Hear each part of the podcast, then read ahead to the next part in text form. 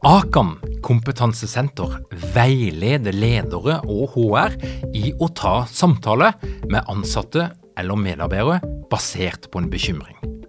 Akan setter ledere og medarbeidere i stand til å forebygge og håndtere en problematisk bruk av alkohol, narkotika, legemidler, spill eller doping blant ansatte. Ønsker du å lære mer om god forebygging og gjennomføring av samtale med en som du er bekymra for? Da kan du nå få tilgang på Akan sitt digitale samtalekurs til spesialpris, kun 760 kroner. Målet med kurset er å gjøre deg tryggere i det som kan være en krevende, men viktig samtale å ta i lederrollen. Du får tilgang til kurset med å gå til samtalekurs.no, samtalekurs.no, og bruke kampanjekoden LEDERPODDEN. Tilbudet gjelder ut april. Hei! Før episoden begynner, så vil jeg gi deg ei lita oppdatering. Nummer én hvis du har lyst til å lære mer om profesjonell gjennomføring av vanskelige samtaler på jobb, så anbefaler jeg deg å bli med på vårt digitale kurs, som gjenger over to dager med tre timer hver dag 24. og 25. november. Det er kun plass til 30 deltakere. De første har allerede meldt seg på, men du rekker fremdeles å bli med hvis du kjapper deg. Og det du vil lære, det er rett og slett en god dose psykologi en veldig stor dose kommunikasjon og en del juss. Det handler om å ta tak i uønska atferd. Det handler om å ta tak i medarbeidere som ikke gjør jobben på den måten som de skal, og gjør det på en ordentlig måte. Vår erfaring er at folk venter for lenge med å ta den type samtale fordi de er urolige, fordi de er usikre. Formålet med dette her digitale kurset det er at du skal bli trygg, du skal bli flink og du skal bli profesjonell når det gjelder gjennomføring av krevende samtale på jobb. Sjekk ut vanskeligesamtaler.no. Vanskeligesamtaler.no. Der finner du alt du trenger å vite, og forhåpentligvis er det fremdeles en ledig plass når du kommer deg inn der. Nummer to, hvis du har lyst til å ta det litt lenger og lære litt mer, og har lyst til rett og slett å utvikle deg litt, det neste halvåret så setter vi nå opp kull nummer to av vårt verdensberømte digitale lederprogram. Det er et tolv ukers lederprogram der du får møtt ni av landets fremste eksperter på psykologi og ledelse. Eh, vi lanserte dette her i, i mai i år, og det har blitt en gedigen suksess med over 60 ledere fra en rekke bransjer, store konsern, små konsulentvirksomheter. Men det handler om mennesker som enten jobber med ledelse eller HR, og som ønsker å skape endring i egen organisasjon eller i eget liv. Programmet det jobber vi med akkurat nå. men men hvis du ønsker å være blant de første som får beskjed når programmet er klart, så skal du gå inn på lederprogrammet.no, og der kan du legge igjen din e-postadresse, og så vil vi gi deg ei oppdatering så fort vi er klare til lansering. Lederprogrammet.no.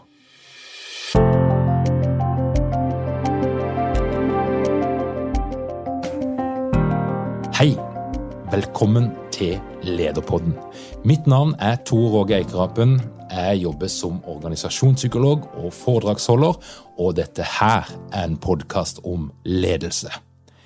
Har du hørt at noen mennesker de har en spesielt aktiv høyre hjernehalvdel? Og det eh, betyr at de er kreative, de har et rikt tilfang på ideer, de er kanskje litt kunstnerisk anlagt, og de er veldig annerledes enn de som er venstre hjernehalvdel aktivert, for de er mer logiske, systematiske, rasjonelle og liker å ha ting i et Excel-ark. Altså en, en personlighet med en høy grad av det vi kaller planmessighet. Hvis du har hørt om det og tenkt at det hørtes veldig veldig eh, flott ut, så må jeg bare skuffe deg og si at det er bullshit. Velkommen til en episode som handler om kritisk tenkning, som handler om psykologi, og det handler om at veldig få av de konseptene som høres bare fantastisk smart ut, er egentlig riktige. Og I dag skal jeg hente fram eh, en av de mer arrogante sidene av meg sjøl. Det er ikke sånn at jeg trenger å leie veldig lenge for å finne den, men allikevel jekke det opp bitte lite grann, være litt besserwisser. Og eh, det jeg ønsker, det er egentlig å stimulere til mer kritisk tenkning. Og jeg vil jo egentlig at du som lytter på, neste gang du hører om et fascinerende konsept som en eller annen karismatisk figur har fortalt om, så skal du skrive inn navnet på det konseptet i Google, og så skal du skrive pluss, og så skal du skrive kritikk. Det er der du finner den andre sida av historien. Og det er noen klassikere som, som, eh, jeg skal gå gjennom i dag. Jeg skal rett og slett eh, prøve å knuse fem myter. Kanskje har du allerede fått det med deg. Det er en del som har skrevet om, om dette her i, i, det siste. Um, og, og, Poenget er ikke nødvendigvis de mytene i seg sjøl, men det handler om at når ting høres ut som det er for godt til å være sant, ja, men så er det dessverre veldig ofte det. Og La oss ta høyre og, og, og venstre jernhalvdel. Det er det mange som snakker om, altså. På foredrag rundt forbi, på workshops, det er konsulenter, det er eh, folk flest. Og det er til og med sånn at det, dette her, eh, denne eh, vranglæra har kommet inn i den amerikanske ordboka. Så hvis du der eh, eh søker på right brained, så vil du altså finne en tekst, og nå leser jeg opp her fra The American Heritage Dictionary of the English Language, 4th edition 2000. Um, altså, hvis du er dominant på den høyre hjernehalvdelen, Eh, så, så, handler det altså om at du er din styrke eh, på tankeprosesser som, som handler om forestillingsevne, kreativitet, eh, og, og der, der, det er en personlighet som er dominert av følelse, kreativitet, intuisjon og nonverbal kommunikasjon. Og på den andre sida så er det altså de som er da venstresidedominante. Eh, de, de har denne styrken i logikk og analyse. Og eh, det, det er blitt gjort eh, forskning, selvfølgelig, som, som, nå prøver å finne ut av stemmer dette her. For det, det, viser seg at det er noen myter som, som kommer fra ganske langt tilbake. En, en, en vet f.eks. at det er helt riktig at det er noe på eh, høyre hjernehalvdel som, som, er eh, altså noen konstruksjoner eh, som er eh, relatert til språk. Eh, Wernickes område, Brokas område. Eh, og det er riktig, men det er ikke dermed sagt at alt det som skjer i høyre hjernehalvdel, handler om at, at er kreativ, eller at noen av oss har mer eller mindre av aktivitet eller preferanse på den ene eller andre sida.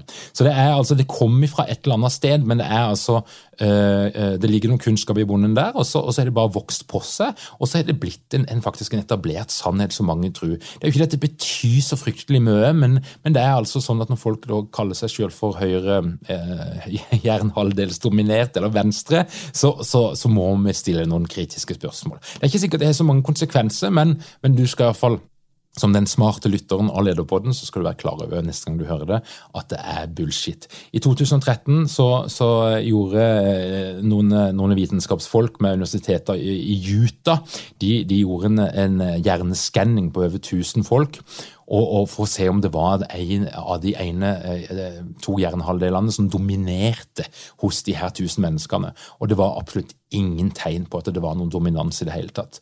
Tvert imot så er jo hjernen en, et komplekst verktøy som bruker hele apparatet i det meste vi gjør, selv om det er da noen deler av hjernen som er mer spesifikt knytta til enkelte funksjoner og egenskaper. Og Det vet vi etter hvert mye om, men det er altså ikke sånn at du kan dele hjernen i to og si at den ene delen den er forbeholdt de folkene, og den andre delen er forbeholdt de menneskene. Så altså, myte nummer én, eh, den er knust. Det er altså ingenting som tyder på at mennesket er født med en preferanse for å bruke den ene eller den andre jernhalvdelen. En litt sånn nyere ting, eh, det er fra 2006. Så var det ei, ei psykologdame eh, som heter Carol Dweck, Stanford University. Hun skrev ei bok eh, som heter Mindset.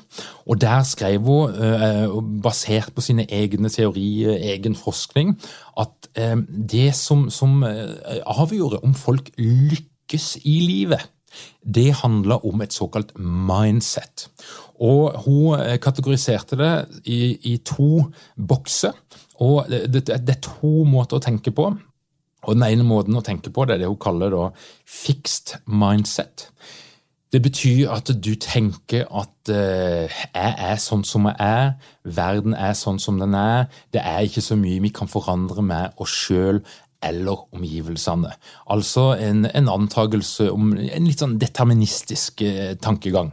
Eh, den andre måten å tenke på, den andre typen mindset, det er da et såkalt growth mindset. Og Det har du kanskje hørt om, for det er det mange som snakker om rundt forbi med stor entusiasme. Dette her handler egentlig om læring på skolen og i hvilken grad eh, du kan utvikle deg og oppnå store ting. Eh, men, men eh, det er jo blitt tatt inn i næringslivet, og noen snakker om eh, du kan ha en kultur som er prega av den ene eller andre typen mindset, og at det er det som er avgjørende for om du oppnår suksess eller ikke. Og det var veldig mange som Wow, dette her var kult. Dette her var fascinerende. Tenk at det er det som er avgjørende for om du lykkes eller ikke. Mindsettet. Men dessverre, utrolig kjipe greie. Altså, I 2019 så, så, så, begynner det å komme forskning der en prøver å replikere den forskninga som Carol Dreck hadde gjort, og så viser det seg at det stemmer faktisk ikke helt. Eh, vel, det var en bitte liten forskjell på de som hadde den ene måten å tenke på, og de som hadde den andre måten å tenke på, men den var relativt ubetydelig sammenligna med å hardt. Dweck og hos sin eh, menighet hadde gått ut og, og, annonsert at dette her er det store svaret. Det finnes noen nyanser inni her, og det er ikke, så, det er ikke sånn helt sånn fasit det, det er feil eller riktig, men hvis vi sammenligner hypen med kritikken og nyansene i, i, den vitenskapen som nå foreligger, så må en si at uh, growth mindset-teorien har fått seg noen kraftige slag for baugen. Og eh, det er ikke så heftig og revolusjonerende eh, tankegods som det har blitt solgt inn som. Og Hvis du da eh, nylig har vært på noen sånn foredrag med noen som har, har promotert dette her, så, så, må du sende dem et lite tips om at prøv å skrive growth mindset pluss kritikk, og så sjekk ut det som, som ligger der. Veldig spennende greie. Vi beveger oss videre til den store marshmallow-testen. Mange av dere har sett den på eh, YouTube eller Er Har dere mange ledere uten trening eller utdannelse innen ledelse? Mangler dere en felles kultur og praksis for ledelse? Ønsker dere å være bedre rustet for fremtidig vekst og endring? Da kan et internt lederutviklingsprogram være en god investering. I Execu så er vi eksperter på å designe og gjennomføre bedriftsinterne lederutviklingsprogram. Hvis du ønsker å lære mer om hvordan vi kan hjelpe dykken til å få enda bedre ledere, ta og klikk deg inn på execu.no.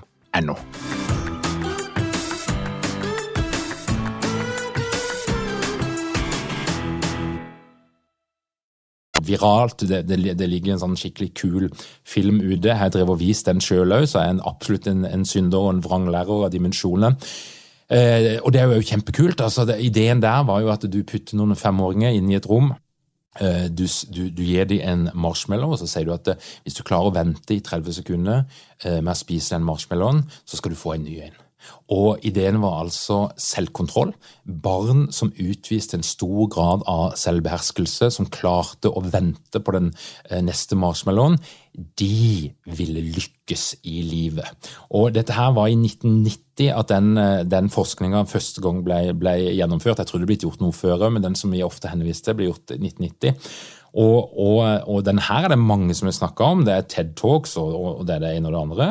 Og så kommer vi altså nå ut i, i, i eh, vår tid, 2018. En prøver å replikere dette her, og det viser seg at det betyr nesten ingenting. Det er masse andre faktorer som avgjør om du lykkes eller ikke, og i hvilken grad du spiser marshmallow og ikke spiser marshmallows, men det er altså ikke mulig å si at barn som har evnen til å ikke spise godteri som stender rett foran dem, de vil lykkes i livet på en helt annen måte enn de taperne som bare spiser den marshmallowen som stender foran dem til enhver tid. Speilnevrone, folkens. Du ikke hørt om det? Speilnevroner. Mm, fascinerende tanke, det òg. Eh, det var en indisk-amerikansk eh, professor, doktor i, i nevrologi, eh, i 2000. Eh, Villanjor Ramadjatran, karismatisk eh, neuroscientist, som det kalles. Han eh, fant ut at i sitt laboratorium når han Eh, kom inn med noe is der og spiste iskrem, så var det noen apekatter som nevralt reagerte som om de sjøl spiste isen. Og det ble starten på en, eh, et eh, konsept som da han, han, gikk veldig hardt ut, og han sa at Eh, han mente at eh, teorien om speilnevroner og speilnevroner kommer til å bety like mye for hvordan vi skjønner menneskets hjerne, som, som DNA har gjort for biologien. Og det er igjen lett å bli fascinert av det. Fantastisk. Altså at vi, at, og det det handler om, er at vi da egentlig reagerer sånn instinktivt, motorisk på andres atferd og leser andres atferd. Det er noen egne celler i hjernen som, som gjør det, altså speile andres atferd. Og, og, at vi blir styrt egentlig av det vi ser i mye større grad enn det vi, vi tror. Eh, og Her er det òg mange nyanser, og det er komplekst. Men Oppsummert så ser vi i dag at eh, den hypen knytta til speilnevroene og hva det faktisk er for noe, og hvilken betydning det har for mennesket, den har vært ekstremt overdrevet. Så det er noen interessante greier der, er, og det er ikke sånn at, er, at vi ikke tenker at det fins et element av det, men hvis du går inn i moderne forskning og ser, så finner en ikke støtte for at speilnevroene i så stor grad er svaret på alt når det kommer til hvordan mennesker lærer å utvikle seg og interagere med andre. Den siste forskninga som vi må eh, eh, ta og slå litt sprekker på, det er et berømt eh, forsøk som heter The Stanford Prison Experiment. Det har kanskje du hørt om. Philip Zimbardo, 1971. Dette her har jeg pugga, det var på pensumet mitt. Og det som eh, er greia, det er at eh, det ble gjort et forsøk der en i kjelleren på Stanford-universitetet så satt en, eh, en gruppe studenter, en delte det inn i forskjellige roller. Noen skulle være vakter, og noen skulle være fange. Og det en så, det var at de her vaktene bare i kraft av forrollen som vakt, så satte de i gang en ekstremt destruktiv atferd. Der de var aggressive, de var voldelige, og de måtte bare stoppe stoppe hele eksperimentet til slutt, for det holdt på å gå helt av skaftet. Og, og det en, en, konkluderte med, det var at eh, alle mennesker har potensial til å være onde, og at det handler veldig ofte om at du blir tildelt en eller annen rolle, noen forventninger som er til den rollen, og hvis du får lov til å spille det ut helt fritt, så er det sånn det vil gå. Og alle husker kanskje Irak-krigen og eh, amerikanske soldater som hadde en oppførsel som egentlig ligna ganske godt på den eh, atferden som var i dette her eksperimentet. Så, og, så, så det har jo blitt tolka som en, en, bekreftelse på at dette her stemmer. Men så, i 2018, så kom det noen lydopptak fram som viser at de her vaktene i det originale eksperimentet, de var kraftig instruert på hvordan de skulle oppføre seg. Og eh, det som fangene, det var noen som ropte om hjelp der, og det er noen scener som, som mange har sett, eh, det var fake. Det var altså eh, spill, og det var instruert, og det viser seg at det er en god del som doktor Simbardo ikke har fortalt om sitt eksperiment på 70-tallet. En liten sånn bonusting. Rossak-testen oh, den ble jeg opplært i, i, på psykologistudiet. Det er altså mennesker skal tolke noen mønster, noen fargeklatter. Det er ganske freudianske opplegg, men det finnes fremdeles folk på Universitetet i Oslo som er, elsker denne metodikken, og som tror fullt og, og helt på den, samtidig som forskning på den andre sida viser at dette her er som astrologi. Gøy, fascinerende, moro eh, og, og, og, godt egnet til, til underholdning. Men fra et forskningsmessig standpunkt bullshit. Dette her eh, kommer, kommer, kommer, sikkert til å repetere seg. kommer sikkert til å ta en ny runde med nye ting. For, for det er jo det, sånn det er da, i forskninga, i psykologien. De her konseptene som høres bare så utrolig fascinerende ut, for de er så enkle. Og, og det er liksom noe sånn åh, det, vi, vi, elsker de her enkle modellene, de enkle svarene. Og så er det så kjipt at det gjenger noen år, av til ganske mange år òg, og så øh, kom det noen ny forskning, og vi har nye metoder, og vi er mer transparente, og så viser det seg at det var ikke sånn som vi trodde. Og neste gang så er det meg som prediker et eller annet på Lederpodden, jeg har sikkert gjort det allerede, som, som, som, viser seg å bare være bullshit, og det, den fella vil vi alle gå i. Men jeg, men jeg tenker nok det at skal du, skal du være ute blant folk og predike et eller annet, så er det fint om du har vært innom Google og, og sjekka litt først. Det går jo til, til Mette-Marit hvis du skal ut og, og, og, treffe en kar med navn Epstein, så er det lurt å, å google litt før og liksom sjekke litt ut før du ja, treffer han mange ganger. i hvert fall.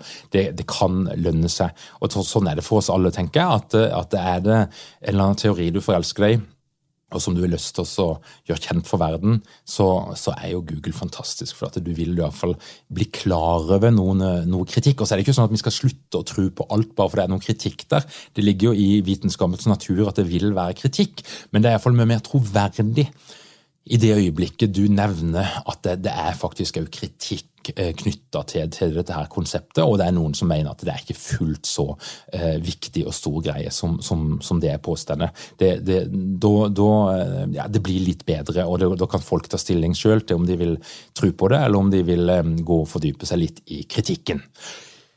Folkens, jeg håper dere har fått noe nyttig ut av denne lille gjennomgangen. Kritisk tenkning, det må vi ha hele veien, og spesielt i dag. Det er mange som prøver seg der ute. Eh, samtidig som jeg jo sier at eh, innenfor feltet organisasjon og ledelse, så er jo mer og mer av mer av det som serveres, er forskningsbasert, og den kan putte noen referanser på, den kan se hvor de kommer ifra. Så jeg mener det er en positiv utvikling. Samtidig så har vi òg fake news, vi har folk som prøver å bløffe på den ene og den andre greia. Så det å, å hele tida søke litt kritikk, og søke den andre sida av de svarene som kommer, tror jeg er en god idé. Da er det bare å si at hvis du har lyst til å være med og lære mer om den vanskelige samtalen, så er vi altså i gang 24. og 25. november. Og hvis du er nysgjerrig på lederprogrammet 2021, som kommer til å bli smashing bra, så er det mulig å legge igjen din e-postadresse på lederprogrammet.no. Og hvis du liker det du hører her, Rate oss gjerne. Det er glede, det er anerkjennelse, og det gjør at eh, flere kan eh, bli obs på Lederpodden. Det er gøy. Og hvis du har lyst til å følge oss på eh, diverse ting og bli oppdatert, så kom deg inn på lederpodden.no. Der finner du et sted der du kan legge igjen e-postadressen din, og så vil du bli orientert med en gang vi f.eks. kjører en livesending som er sånn som bare popper opp plutselig. Og en siste ting. Siden sist så har jeg blitt ordentlig gründer. Eh, vi har starta et nytt selskap. Det heter Execu AS. Og det eneste vi skal holde på med i det selskapet, det er å lage digitale kurs- og utviklingsprogram for ledere og HR. Lederprogrammet er vårt flaggskip, men i tillegg så lager vi mange nye programmer som gjennomføres enten åpent eller internt. Og da kan jeg bare si dere at dette her er himla gøy, spennende og skummelt, og vi har til og med en ledig stilling ute som prosjektleder i det nye selskapet ExecuAS. Og dette her er første gang i mitt liv at jeg ansetter folk sånn i mitt eget selskap. Det, og det er spennende eh, og, og, og skummelt og i det hele tatt, men veldig gøy. Og jeg er jo veldig glad for at du som lytter på, følge oss litt sånn på reiser, for det er det mange av dere som gjør.